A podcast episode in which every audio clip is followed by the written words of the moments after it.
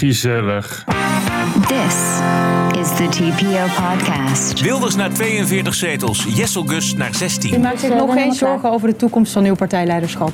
Nou, het gaat vooral over de toekomst van Nederland. Iedere hoofdredacteur is ook een beetje een minister van waarheid. Dus, en dat is vaak zo. Hè? Dus iedere terrorist eh, is ook een vrijheidsstrijder. En Amsterdam denkt weer over afscheiding. Ik wil mezelf hier ergens ook buiten plaatsen. En tegelijkertijd denk ik, we hebben ook een soort verantwoordelijkheid, toch? Want je bent niet alleen Amsterdammer, je bent ook Nederlander. Aflevering 514. Ranting and Reason. Bert Bresson, Roderick Phalo. This is the award-winning TPO podcast. Ja, jongen. Goedenavond. De ene helft heeft griep. Het is hier opeens winterbed. Dus het, het slaat onmiddellijk eh, op de keel en Oh, eh, ja. op van alles en nog wat. Zometeen de voortgang van de formatie-verkenning. Eerst eventjes, eh, nou eventjes, de media. Want de media die blijven worstelen met de verslaggeving over de oorlog in Gaza en de verkiezingswinst van Geert Wilders. Man, man, man, wat hebben de media het daar moeilijk mee. Op een of andere manier lopen die ook gelijk, eh, de verslaggeving over Wilders en over Gaza. Afgelopen vrijdag een vernietigende column van Mausika Narbe in het Nieuw Israëlitisch Weekblad dat gefotografeerd viraal ging op X. De titel van het stuk heet De zieke omroep. En het begint met elke keer als de Gaza-oorlog een nieuwe fase ingaat, vraag ik me af hoe de NOS de plank zal misslaan in de verslaggeving. Wat zullen we nu weer verzinnen om Israël zo misdadig mogelijk af te schilderen? Helaas zijn dit verwachtingen na de bevooroordeelde verslaggeving sinds 7 oktober. Soms je reinste netnieuws. Het gaat er met een gestrekt been in. En niet helemaal onterecht, denk ik, Bert. Ja, als het nou alleen de NOS was. Ja. Maar eh, het is echt iets wat journalisten eigen is. Het is echt een, eh, een agenda die breed gedragen wordt in de hele journalistiek.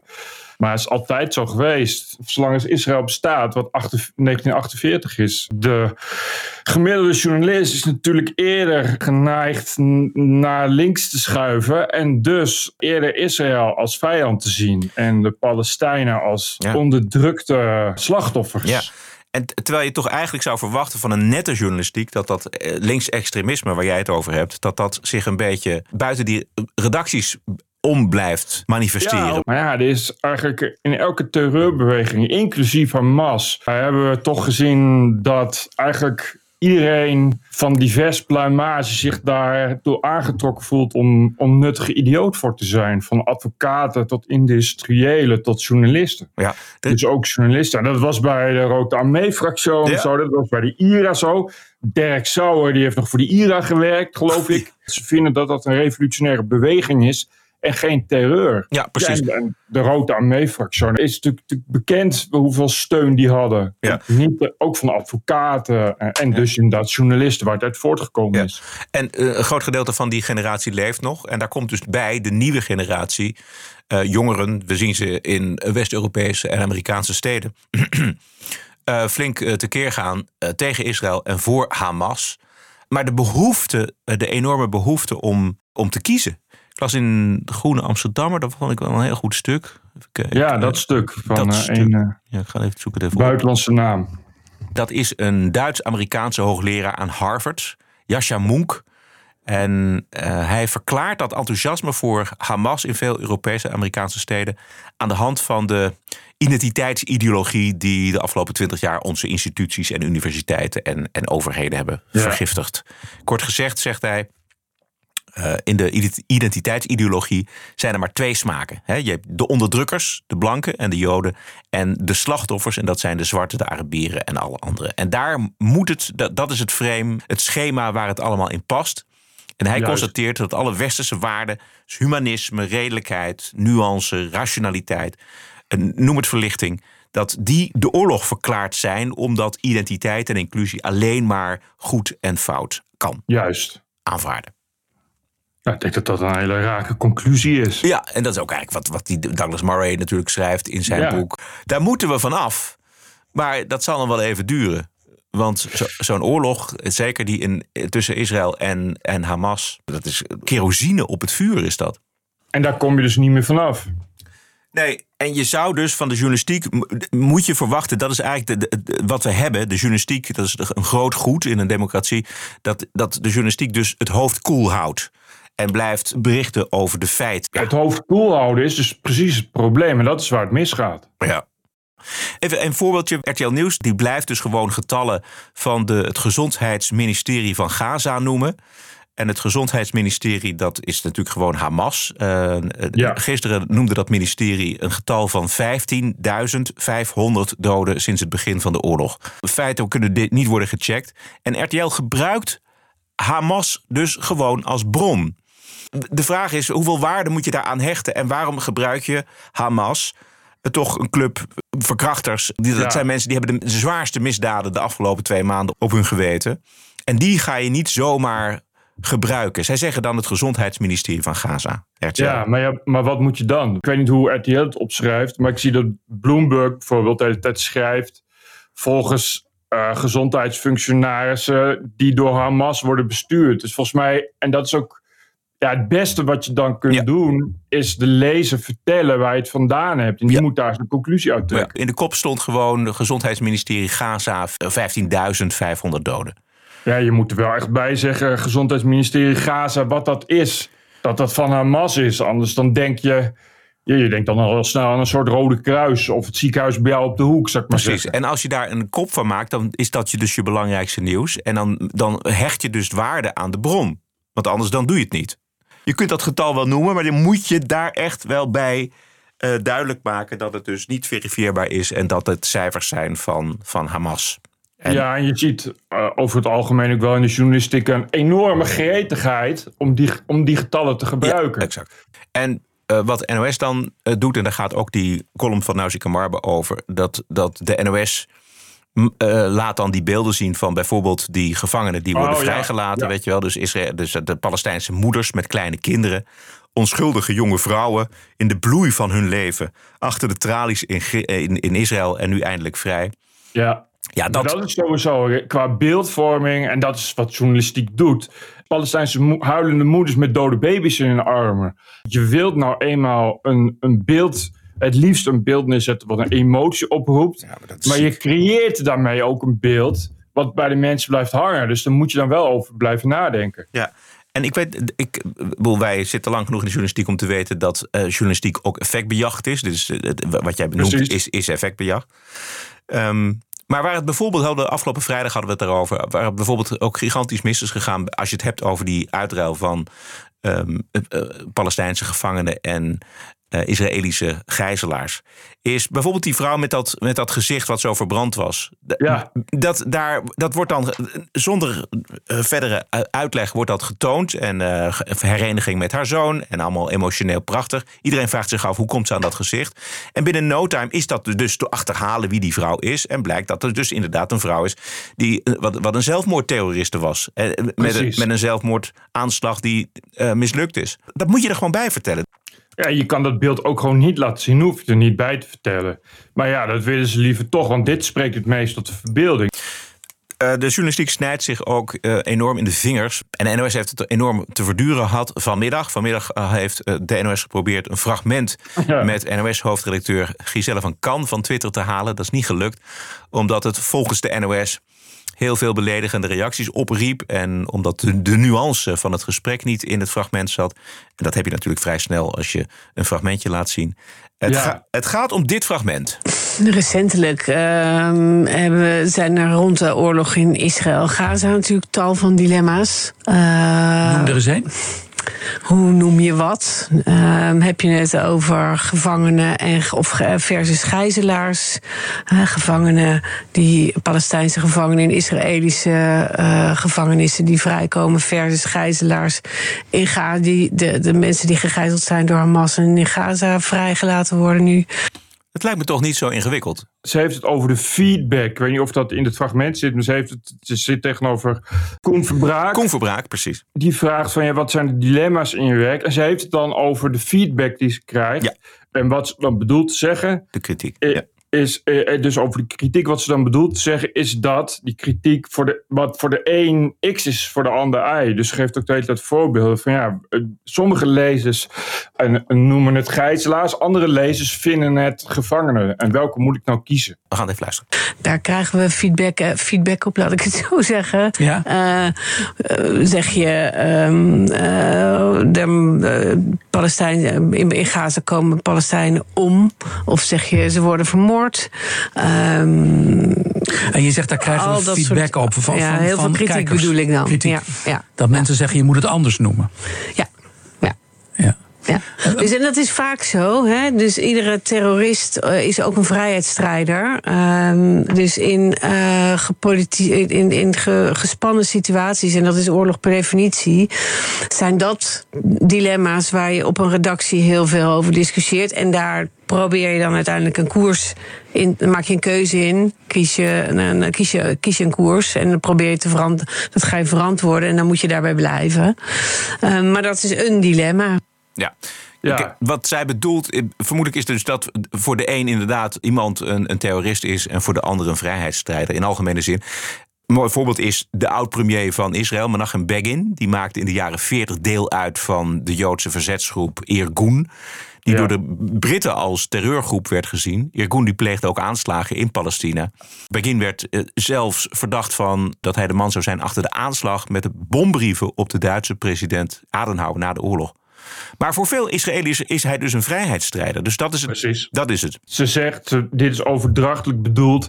De terrorist wordt gezien in de beleving van de kijker. Een gedeelte van die kijker vindt het terrorist. Een gedeelte vindt het de vrijheidsstrijder. Ja, dat is niet zo raar. Op Twitter werd het citaat werd het erboven gezet. Dus, de, dus in die tweet stond... volgens de hoofdredacteur van het NOS Journaal... is iedere terrorist een vrijheidsstrijder. Ja, dat ja, daar ging, Ja. Nee, daar ging iedereen dan mee aan de haal. En maar toen waren ze zo dom om die tweets weg te halen, waardoor het natuurlijk nog veel en veel groter wordt. Ja. Maar wat je nu ziet, is dat iedereen daar wel heel hysterisch mee bezig gaat om de NOS te willen betrappen op, op partijdigheid. Terwijl ik dit nou juist weer een voorbeeld vind van een gesprek waarin uit blijkt dat de NOS daar juist moeite in doet. Ja, de- Ehm, precies. Hij vertelt ook dat er heel veel discussie is op de redactie. Geldt trouwens ook voor RTL. Dus er wordt wel degelijk over gesproken. Maar één dingetje. Want het- kijk, als journalistiek medium moet je toch eigenlijk ook met de feiten omgaan. En niet met de perceptie. Dus als Ja. Hamas zich vergrijpt aan groepsverkrachtingen met Israëlische gijzelaars. Of, of eh, op jodenjacht gaat op 7 oktober. Baby's levend verbrand. Ja, dan kun je niet spreken van vrijheidsstrijders. Ook al Nee, vindt nee. een deel van de, van de kijkers van het NOS Journaal dat vrijheidsstrijders. Nee, nee, maar dat doen ze ook niet. Hè? Ze zeggen militanten, dus dat zit natuurlijk een beetje veel meer in het midden. Maar ze, zij bespreekt hier wat de reacties zijn die ze binnenkrijgen. Dus een gedeelte van de feedback is dat mensen zeggen... het zijn geen terroristen, maar Nee. vrijheidsstrijders. En, en de NOS zelf, overigens geen enkele journalist... er is eigenlijk geen enkele journalistieke organisatie... die, die Hamas vrijheidsstrijders noemt. Dat zou inderdaad wel heel gortig zijn. Nou, Siem Eikelenboom misschien.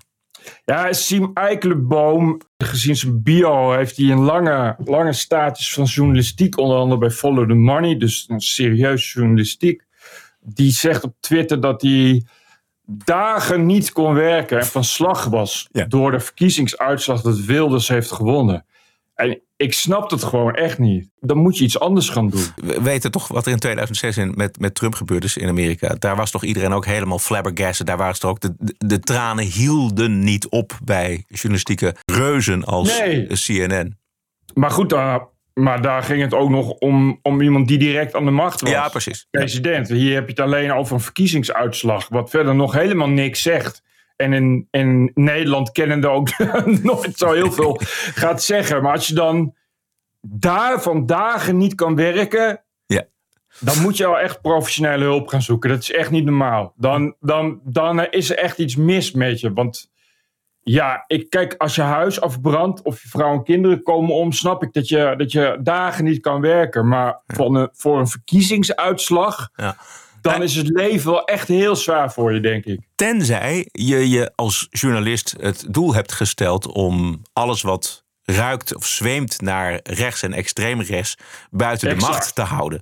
Weet je wel, dan kan zo'n uitslag behoorlijk uh, erop inhakken. Maar dan ben je eigenlijk, heb, heb, je het verkeerde beroep gekozen. Ja, maar, maar, dat is, maar dat is dan precies wat er mis met je is. Dan ben je echt een narcist die leidt aan een Jezuscomplex.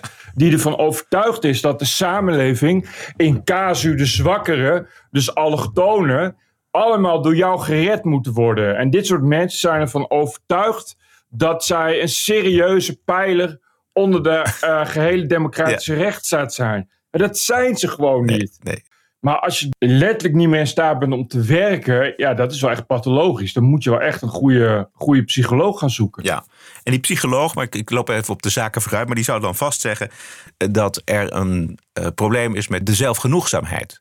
Dus Precies. je denkt niet, helemaal niet dat dit überhaupt kan plaatsvinden. Niet in Nederland, overal in, in, in Europa en Amerika zie je het gebeuren. Uh, grijpt populistisch rechts uh, de macht. Ja. Maar het kan niet in Nederland. Nou, dan ben je redelijk zelf, hè, dan ben je behoorlijk zelfgenoegzaam.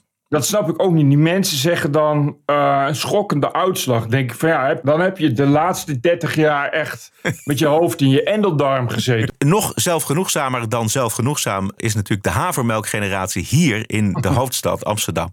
En uh, de Amsterdammers die hebben het weer eens over. Ja, moeten we het eigenlijk als Wilders aan de macht komt niet gewoon onafhankelijk van Nederland zijn? Het verhaal wat ook Femke Halsema volgens mij zei van we zijn geen Nederlanders, we zijn Amsterdammers. Mhm. Mm-hmm. Denk ik, ja, ik snap het. Ik wil mezelf hier ergens ook buiten plaatsen. En tegelijkertijd denk ik, we hebben ook een soort verantwoordelijkheid, toch? Want je bent niet alleen Amsterdammer, je bent ook Nederlander. En als jouw land in deze staat verkeert, dan moet je daar ook moet je daar ook iets mee. Ja. ja. En daarom denk ik dat dat, dat dat gesprek voeren zo belangrijk is.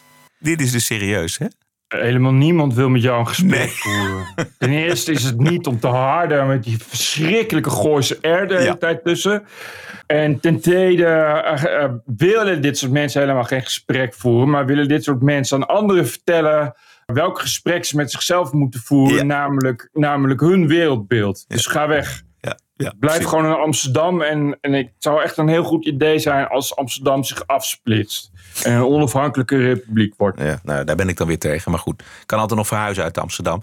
Um, ik, dit is dus uit een Podimo-podcast. Uh, geen idee, ik kwam het tegen. Het was te leuk om te laten liggen. Wie het al wel een tijdje doorheeft is uh, PvdA-prominent oud-voorzitter Hans Spekman. Dit was hem zaterdag op Radio 1. Het hele verhaal van die, van die samenwerkende fractie... nu eigenlijk sinds 22 november 9 uur s avonds is... oh, wat erg dat Wilders de grootste is. Ja, dat vind ik slecht. Dat vind ik slecht. Ik vind het niet erg dat Wilders de grootste is. Dat is de uitslag van de democratie. Dat, zo is het. Ik vind het erg dat uh, zoveel mensen zich opzij gezet voelden door alle politieke partijen.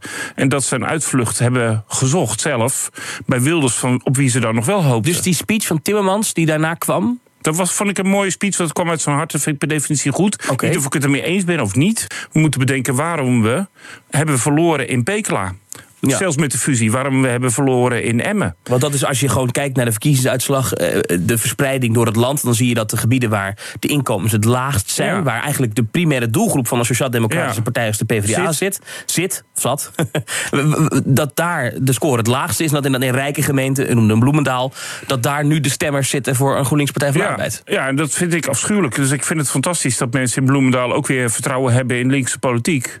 Maar als je alleen die mensen hebt en niet de mensen in Pekela die dat ook vertrouwen, dan doe je iets knap fouts. Want die zijn in Pekela naar de PVV gegaan. Zeker. Hans Spekman in gesprek Juist. met Thomas van Groningen. En hij heeft natuurlijk knettergelijk, dat vind ik dus niet te begrijpen, dat het al 30 jaar wordt ontkend door juist de top van de Partij van de Arbeid GroenLinks, Progressief Nederland. Spekman is een uitzondering. Er zijn nog een aantal andere uitzonderingen. Ik denk dat Asscher ook een uitzondering is. En nog een aantal. Maar uh, uh, de som der delen is dat Progressief Nederland in een ontkenningsfase zit en blijft zitten.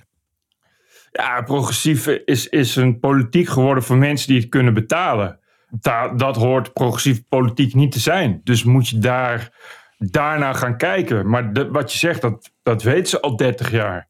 En ja, dat, het wil maar niet indalen. Dat besef wil, wil maar niet bestaan. Ja. En dan kun je wel woedend blijven op alle PVV-stemmers en het niet eens zijn met, met, uh, met de uitslag. Maar het is wat Spekman zegt, dat is nou eenmaal de uitslag. Ja, dan moet je je afvragen waarom ze dus naar Wilders gaan. Ja, het, het is echt de linkse kerk. Hè? Het is dus echt een kerk. Precies. Het gaat echt over moraliteit.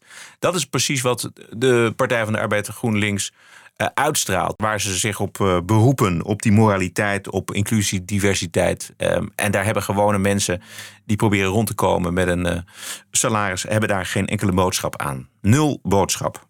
Nee, die willen duidelijkheid. Die willen boter bij de vis. Ja, wij zijn dan toch een roepende in de woestijn. En dan heb ik het niet alleen over jou en mij, maar dan heb ik het ook over al die anderen die daar wel over schrijven. Onder andere de Telegraaf, maar ook zo'n Nausicaa Marbe. En dat wordt dan allemaal weggezet als rechts en extreem rechts. Maar ja, dan krijg je dus Wilders die op een dag de grootste is. Ja, kijk, weet je, als Wilders 15 zetels heeft, dan kun je nog zeggen: dit zijn 15 zetels aan mensen die bang zijn voor de islam. En, en, en alle ideeën van Wilders onderschrijven en het liefst van de rechtsstaat afvullen. Maar Wilders heeft 37 zetels. En dan weet je dat het mensen zijn die uit opportunisme op Wilders hebben gestemd. En dat, is, en dat is een heel belangrijk gegeven. Dat is, een, dat is hele belangrijke data waar je iets mee kan doen. Maar je kan namelijk precies pinpointen. wat heeft voor, voor toegeleid dat die mensen dat zijn gaan doen. Ja, ik nou, dan moet je goed naar die mensen gaan luisteren. Ja, laten we dat even doen. Trapel heeft natuurlijk wel al jarenlang een groot, uh, ja, groot offer uh, geleverd. Wel, dus, maar eh, de echte, echte vluchteling, daar hebben wij niet zoveel problemen mee. Wel, het is uh, beginnend met dat tuig. Gooi dat eruit. Echte vluchtelingen ja, die hebben hulp nodig. Die zijn wat mij betreft welkom. Maar uh, ja, die raddraaiers, daar, uh, maar ja, goed, ook dat roepen we natuurlijk al jaren. Die moeten weg. Wij voelen ons heel vaak toch wel moe gestreden. En dat we sowieso hebben van ja, we komen helemaal niet verder. We stoppen er zoveel tijd in. We worden constant niet gehoord door Den Haag. We zijn echt moe gestreden. De bewoners van Ter Apel. Juist. Ja, hoe ingewikkeld is het? Nou, niet. Totaal niet? Nee. GroenLinks en PvdA, die worstelen met een moraliteit. Want die zeggen, ja, wij weten ook wel dat de overstaps naar PVV vooral last hebben van de immigratie. Maar als we, als we daar iets aan willen doen, dat trekken we niet. Want dan kom je aan onze moraliteit. Ja, exact. Als je nou echt een partij wilt zijn voor arbeiders, dan moet je dit serieus nemen. En als je zegt, maar dat wil ik niet, ja, oké, maar dan moet je misschien ook die doelgroep loslaten. Dan moet je gaan zeggen, ah, dan verwateren we en gaan we op in GroenLinks. Ja. Maar dan kun je samen met D66 of zo. Precies, de, de grachtengordelpartij. Dan kun je ook de hoofdstad besturen als dat nodig is. Als die zich heeft losgemaakt van Nederland. En dan is het dat. TPO Podcast. In de TPO Podcast, nummer 514. Ranting and Reason. Ja, je gelooft het niet, maar de Telegraaf heeft een foto van de aantekeningen van Pieter Omtzigt. En daarop staat: niet in PVV, NSC, BBB-kabinet. Ja, ik snap niet dat mensen het serieus nemen. het lijkt erop dat de Telegraaf dat serieus neemt. Maar ik, dat is natuurlijk een. een Wat staat er? Het is, het is toch een foto? Ja, maar het is een, natuurlijk een bewuste grap van, van omzicht. Het is natuurlijk oh, een ja, bewuste je, ja? actie. Ja, je hebt heus niet een leeg kladblok met al op eerste zin ondergrens en daaronder de zin niet in een kabinet met PVV en verder niks. En dat je dat dan toevallig uh, naar buiten gekeerd leest. Maar natuurlijk, ofwel hij doet het voor de grap, om te zieken. Ofwel hij doet het bewust als strategie. Die vraag wordt hem zeker gesteld en dan mag hij het uh, vertellen. Maar het is ook niet zo heel veel nieuws, want het was wel duidelijk uh, dat deze combinatie in ieder geval niet uh, de voorkeur is van, van omzicht. En dat betekent dus dat wil je iets aan de rechterkant formeren, dan moet de VVD aanschuiven. Wat wel ongelooflijk was natuurlijk dat de PVV van 37 naar 42 zetels is geklommen in de peilingen. En dat de VVD nog maar 16 zetels over heeft. En dat komt allemaal natuurlijk doordat Jissel Gus uh, heeft afgehaakt. Uh, want exact. ja, dat is ongelooflijk dat je, dat je, dat je. Ik geloof dat een derde van de mensen die op de VVD gestemd hebben, inmiddels spijt hebben van die stem. Ja, terecht. Terecht natuurlijk, want je stemt op iets, iemand, een partij, een, een partijleider die uh, wil aanpakken. Dat zegt ze ook, de hele campagne. En dat doet ze niet. Um, vanmiddag uh, was ze eventjes uh, voor de camera's. Dylan Jisselgus over de harde klappen die haar partij krijgt. Nou ja, ik snap dat dit heel erg leeft ook uh, bij de kiezers. Begrijp ik ook. En wat ik eigenlijk van iedereen hoor is dat ze zeggen... ga nou op inhoud alsjeblieft aan de slag. Nou ja, en dat is ook natuurlijk wat ik weer bij de verkenner duidelijk heb gemaakt. wij staan er klaar voor. Ik kan niet wachten om maar die mensen te gaan dat u op inhoud aan de slag gaat in een kabinet met de PVV. En we gaan nu gewoon die gesprekken aan verder. En dan gaan we zien waar de verkenner ook mee komt. Want die moet nog het advies geven hoe die samenwerking er überhaupt met wie eruit zou moeten zien. U maakt Dus, zich eh, nog geen klaar. zorgen over de toekomst van uw partijleiderschap? Nou, het gaat vooral over de toekomst van Nederland. En daarvoor staan we helemaal klaar om te gaan onderhandelen en te zorgen dat we de juiste dingen doen. Maar onderhandelen, be- onderhandelen betekent dat dus dat u niet wil gedogen, maar ook echt met hen in een kabinet wil? Bent Onderhandelen betekent vol aan tafel zitten en op inhoud ook een centrumrechts kabinet mogelijk maken. Iets wat ik al anderhalve week eh, ook voor uw Kamer zeg. Dus Nog er steeds gedogen voor. dus. Nog steeds gedogen. Mevrouw Jessilkes, we hebben nog heel veel vragen voor u. Ja.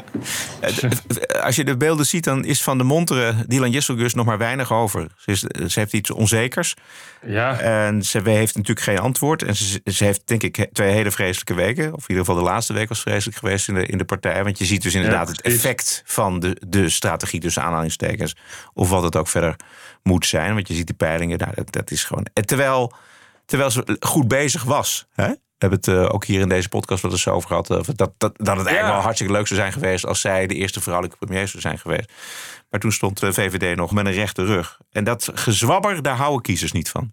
Nee, ze probeert het nu de hele tijd, dat doet ze de hele tijd te framen als, als maar wij willen juist verantwoordelijkheid nemen, want we willen gedogen. Maar dat trapt natuurlijk niemand in. Nee. Ik, de gedogen is gewoon niks. Nee.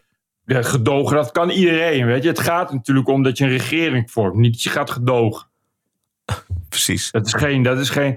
Ja, kijk, wa- waar het op uitdraait is dat het vroeg of laat nieuwe verkiezingen worden. En, en je ziet dus nu al in de peilingen dat het dus inderdaad richting de 50 zetels gaat van Geert Wilders.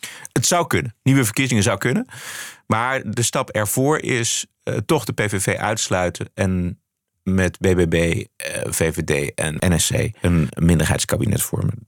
Wilders heeft dus de wind in de zeilen electoraal. En eh, hij zal volgens mij, dat zag ik het een beetje, hij zal geen opruimende tweets meer verzenden die het formatieproces in de weg zitten. Zo lijkt het, luister even. Ik ben nu deze week ehm, van plan om ehm, eh, met de verkenner en hopelijk ook met de andere collega's eh, gesprekken aan te gaan met een eh, positieve houding die erop gericht is dat we begrip moeten hebben voor elkaar. Dat we eh, hopelijk eh, voldoende basis vinden om verder te gaan met elkaar. Ehm, ehm, daar heb ik ja tegen gezegd. Ik hoop dat de andere collega's dat ook doen. En dan zullen we zien. Ja, we zullen zien. Positief begrip. Plasterk, Plasterk zal nog een tijdje moeten wachten met zijn column in de Telegraaf, want hij eh, is nog niet klaar. Nou, we gaan het verder zien. We gaan het verder zien. Goed, ik las op onze Petje Af pagina dat we er nog 75 nodig hebben, Bert. Naast de TPO-podcast op dinsdag zijn we er ook op vrijdag. Langer, uitgebreider en met leuke extra's, zoals de legendarische Wookweek. This cancel culture is gonna end, end, end. Dat is nou een goed begin van je weekend. Alle vrijdagshows erbij voor nog geen 4 euro per maand. En je ondersteunt ons. Reclamevrij en 100% onafhankelijke opheldering over het nieuws en de nieuwsmedia. Keep the show running.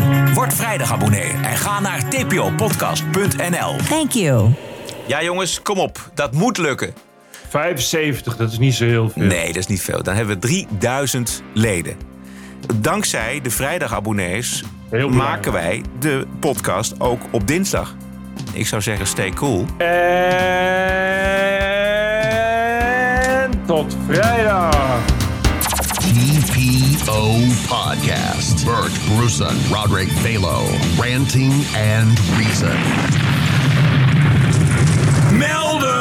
Podcasting is the TPO podcast in the Netherlands. Bert and Roderick. What a show. I'm telling you. Keep the show running. Go to tpo.nl slash podcast. Thank you.